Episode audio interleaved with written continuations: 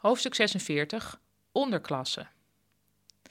Dit is iets waar Japanners nooit uit zichzelf over beginnen: de Japanse onderklasse. Die onderklasse heet Burakumin en dat betekent letterlijk de gevallen groep.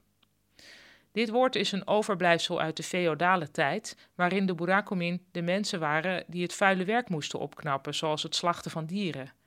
De Burakumin mochten zelfs zonder pardon gedood worden door de samurai als ze iets fout hadden gedaan. De laagste in rangorde van de Burakumin heette Etta, en dat betekent vuil. En tot in het midden van de 19e eeuw was de mening dat het leven van een Etta-persoon zeven keer minder waard was dan dat van een gewone Japanner. In 1871 werd het feodale systeem door de keizer afgeschaft. Sindsdien bestaan de Burakumin officieel niet meer, maar officieus nog wel.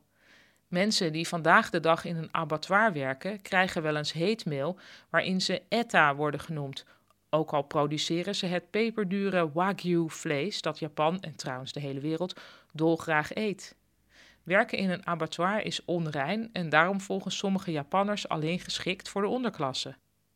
De reden dat Japanners het woord burakumin liever niet gebruiken is omdat het discriminerend is. Maar, en dit is het moeilijke, er bestaat in het Japans geen aardig woord voor deze mensen. En zonder naam bestaan ze eigenlijk niet.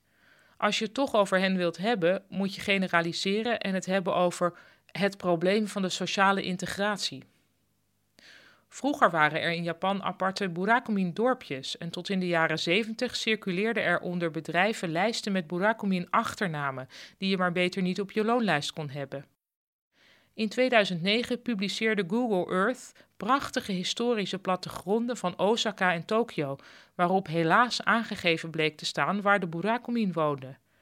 Een organisatie die strijdt tegen de discriminatie van Burakumin, de Buraku Liberation League, tekende hiertegen protest aan bij de minister van Justitie, want op deze manier kwamen Burakumin nooit van hun stigma af.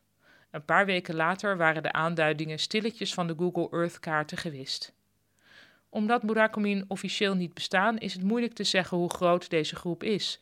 De Buraku Liberation League schat het aantal op 3 miljoen, verdeeld over 6000 dorpjes en buurtjes. Er wordt gezegd dat veel Burakumin connecties hebben met de Yakuza. Daar zit misschien, dus Yakuza zeg ik even voor wie dat vergeten is, is dus de Japanse maffia.